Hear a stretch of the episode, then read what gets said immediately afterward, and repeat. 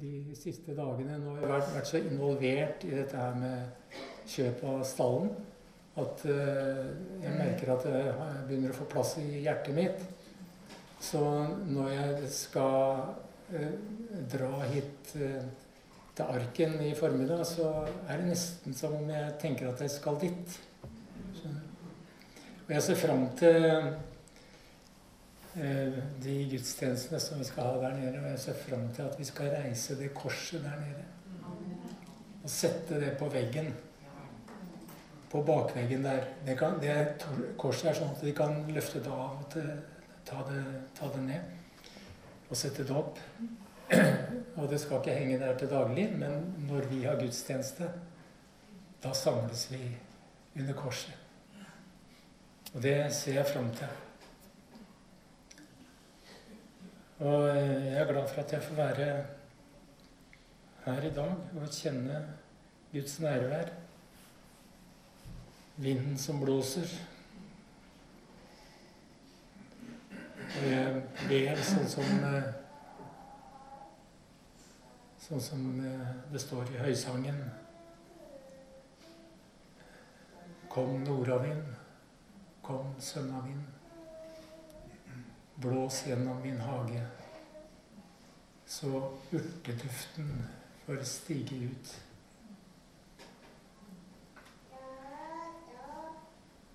Vi er helt avhengig av Den hellige ånd. Ikke minst når vi etter hvert flytter ned til stallen. Uten Den hellige ånd så blir vårt vitnesbyrd fattig. Og Det er et ord her fra en av salmene fra Salme 94 som jeg tenkte jeg skulle begynne med. Og det er sånne ord som antagelig så er det vel sånn at det appellerer til meg, min egen, mitt eget hjerte. Fra Salme 94,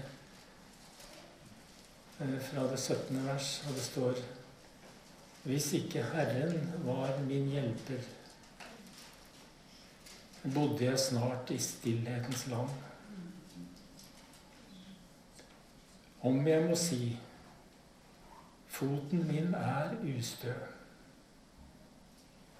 Så holder din godhet meg oppe, Herre.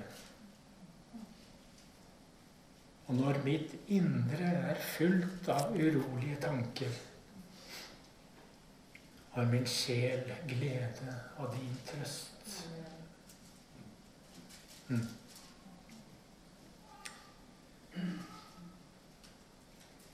Ja, jeg er blant de som trenger en hjelper, og som trenger noen til å støtte meg når foten sklir, og trøste meg når jeg er full av urolige tanker. Og jeg tror at eh, det kan ha en del med alderen å gjøre. For eh, livet er jo sånn at jo eldre du blir, jo bedre kjennskap får du til deg sjøl. Du lærer etter hvert å se sant på deg sjøl. Det er ikke alltid like flatterende, men det skaper et stort behov for nåde. Og det å liksom leve i en bevissthet om at jeg har behov for nåde, det er et privilegium. Det. Og det er vel kanskje sånn at etter hvert som år legges til alder, så blir du faktisk også mer og mer fri til å kunne hvile i nåden. Det er jo ofte sånn at uh, det er en forventning blant oss kristne at vi alltid skal dele de positive bildene. Jeg vet ikke om jeg har hørt det uttrykket, men det er sånn man ofte sier. Det er viktig å dele de positive bildene. Ja, det er jo sant, det. De skal vi også dele. Og vi skal forkynne håp og synge om framtidstro. For det hører jo naturligvis med. Men det er de sanne bildene som setter fri. Vi har ofte en frykt for det menneskelige og det ufullkomne. Det behøver vi ikke ha. Men vi vil gjerne sminke på det bildet vi viser verden. Det er også svært menneskelig, og vi gjør det alle sammen. Det fins et uuttalt ønske om å framstå som hele og plettfrie alltid smilende.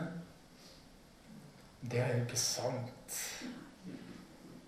Vi feiler også, og vi gråter. Vi er så sammensatte og motstridende og ufullkomne alle sammen. Det er det som er sant. Og sannheten kan aldri være min fiende. Sannheten kan bare bevare meg fra løgn og sette meg fri fra illusjoner. Sannheten er min beste venn. Man kan være litt vanskelig å håndtere en gang imellom. Men når alt kommer til alt, sannheten er vår beste venn. Kan aldri bli vår fiende. Våre liv er ufullkomne og motsetningsfulle og sammensatte. Og kirka er ufullkommen. Kirka er både ånd og materie. Det er både svart og hvitt. Kirka er av Guds rike og av verden. Kirka er hellig, men alminnelig. Og det er krefter i denne verden og i oss som forårsaker denne diskrepans disharmoni og splid. Og vi kan egentlig aldri helt beseire disse kreftene i dette livet. Skaden går for dypt. Vi er skada men vi er ikke ødelagt. Og Den hellige ånd er jo sendt for å sette det her knuste bildet sammen igjen.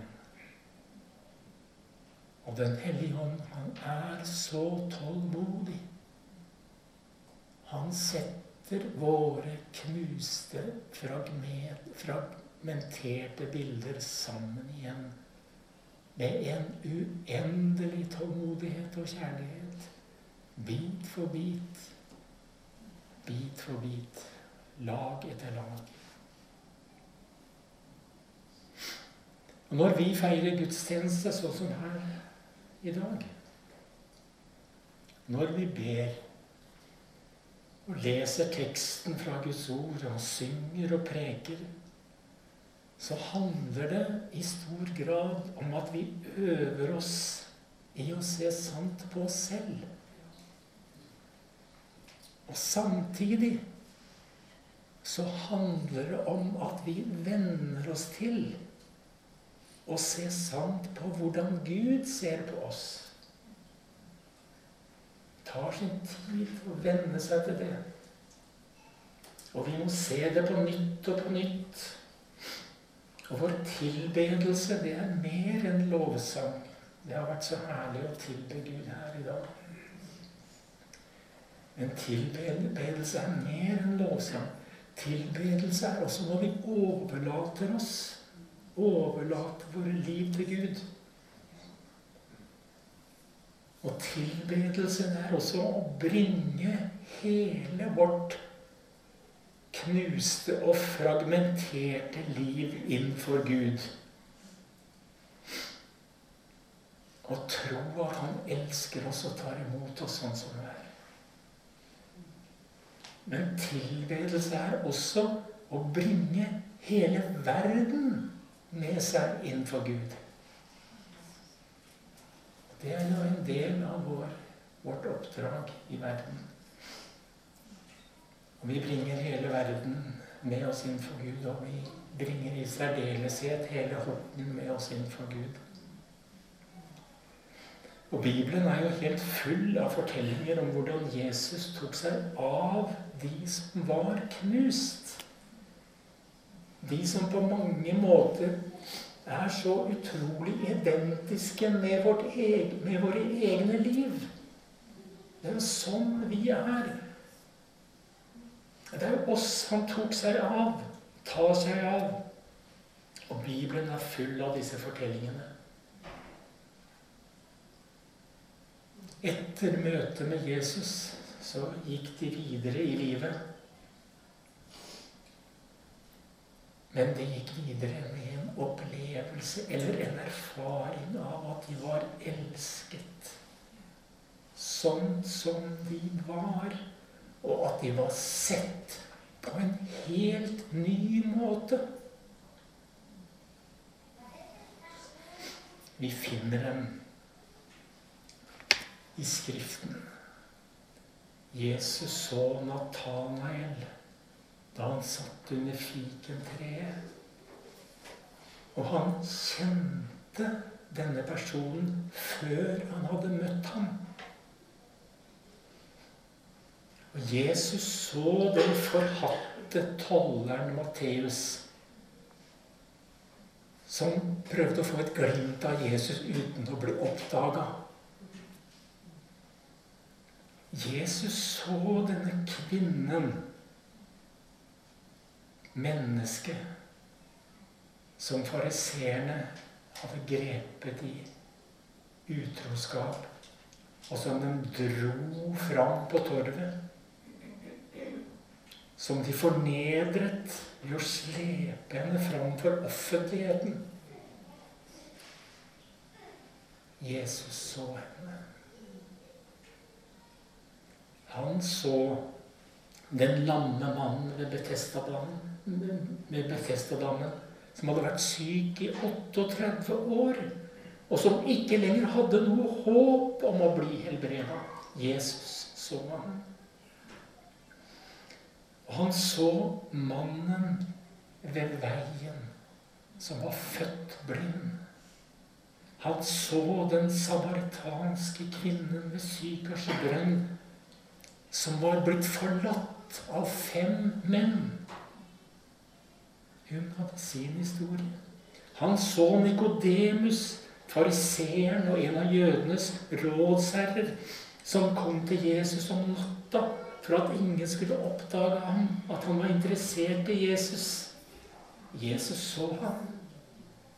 Og sånn her kunne vi fortsette og fortsette og fortsette. Jesus så menneskene.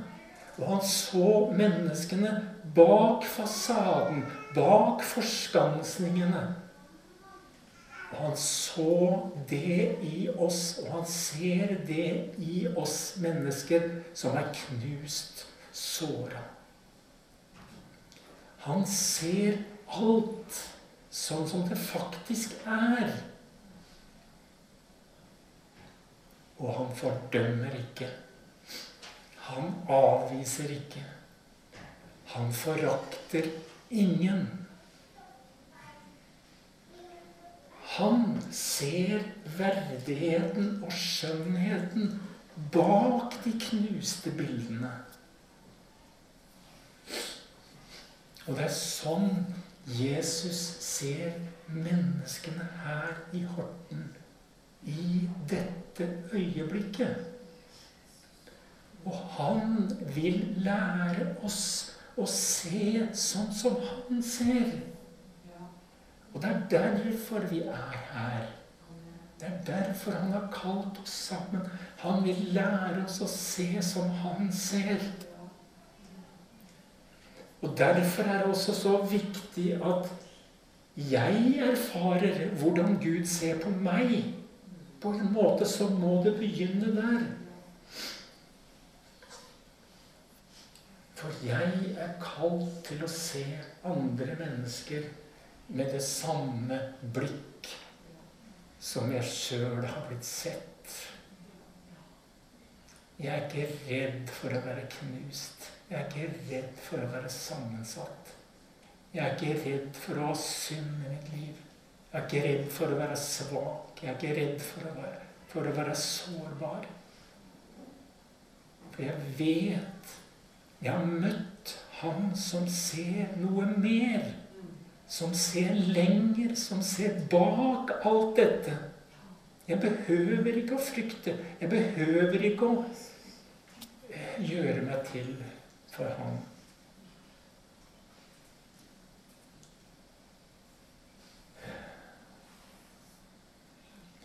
Vi kommer om kort tid til å bli omlokalisert til et nytt utsiktspunkt. Og derfra er vi kalt til å se mennesker med Guds øyne. Og der vil vi om det går som vi håper, der vil vi møte Natanael. Der vil vi møte Matteus. Der vil vi møte kvinnen som hadde vært utro. Der vil vi møte den lamme og den blinde. Og der vil vi møte den fremmede samaritanske kvinnen. Og Nikodemus, ikke sant? Og mange, mange andre. Det ber vi Gud om. Og de fleste av de mennesker vi møter, ser ut til å ha en blindsone. En blindsone for Guds nåde. Og for kirkas framtid er det helt avgjørende å komme inn i denne blindsonen med fortellingene om Jesus. Det er dit vi må komme oss inn i denne blindsona. Og vi ber Gud om å hjelpe oss med det. På en eller annen måte sier vi, Herre, hjelp oss inn i denne blindsona. Så vi kan komme inn der med fortellingen om Jesus. Han som ikke fordømmer noen, som ikke forakter noen. Og som aksepterer alle mennesker i, sin skrø, i vår skrøpelighet.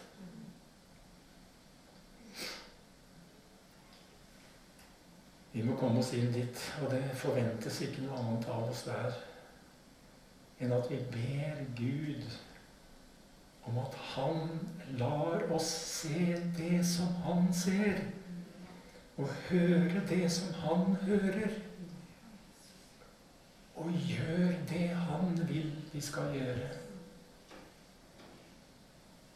Han ser under forskansningene. Han ser de knuste drømmene og illusjonene.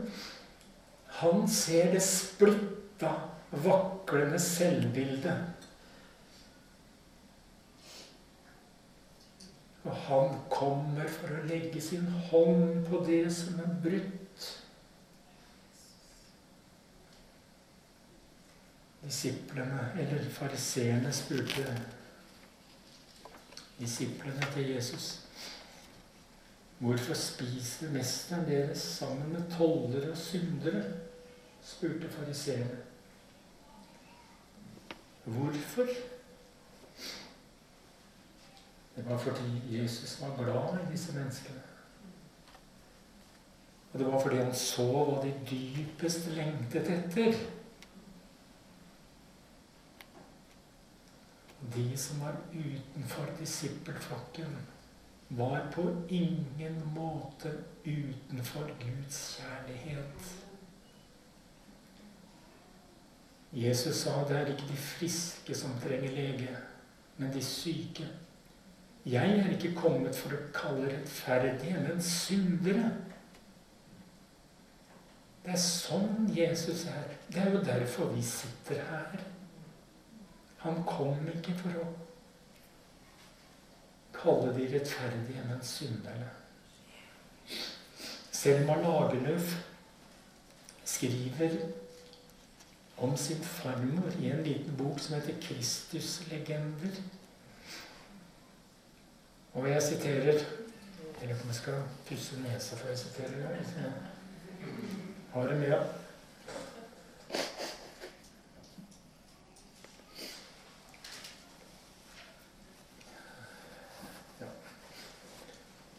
Selma Lagerlöf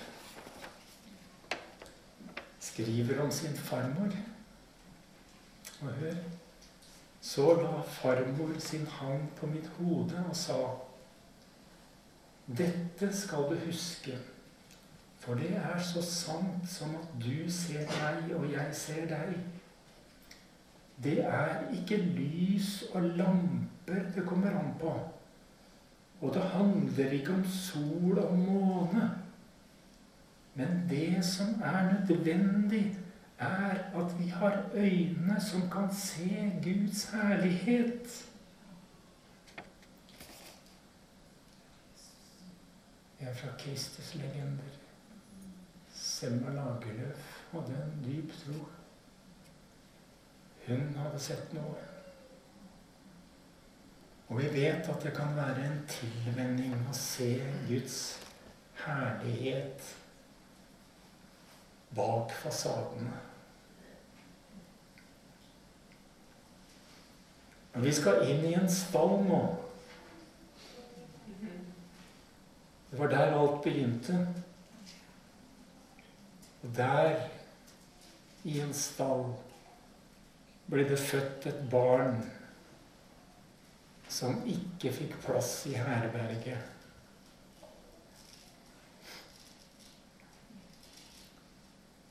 Og siden måtte foreldrene rømme til Egypt, i et fremmed land med barnet.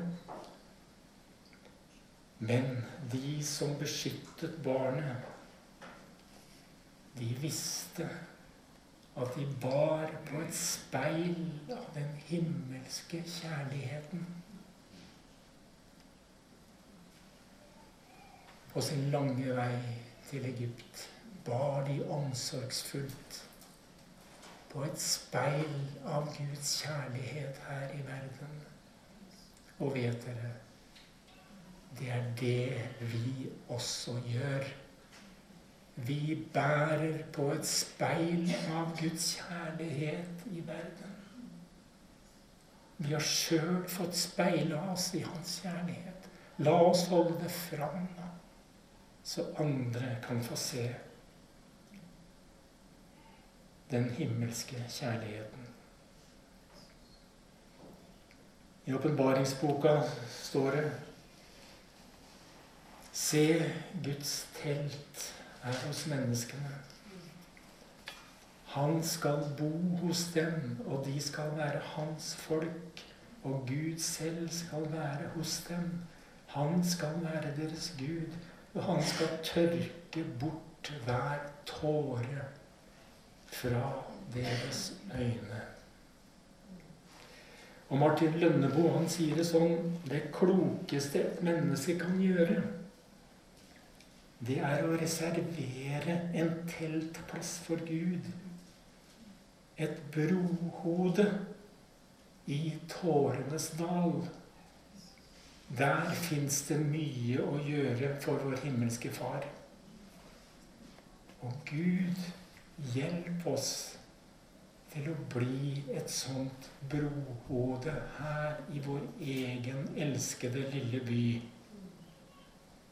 For her er det også mange tårer. Gud vil tørke dem bort i sin uendelige kjærlighet.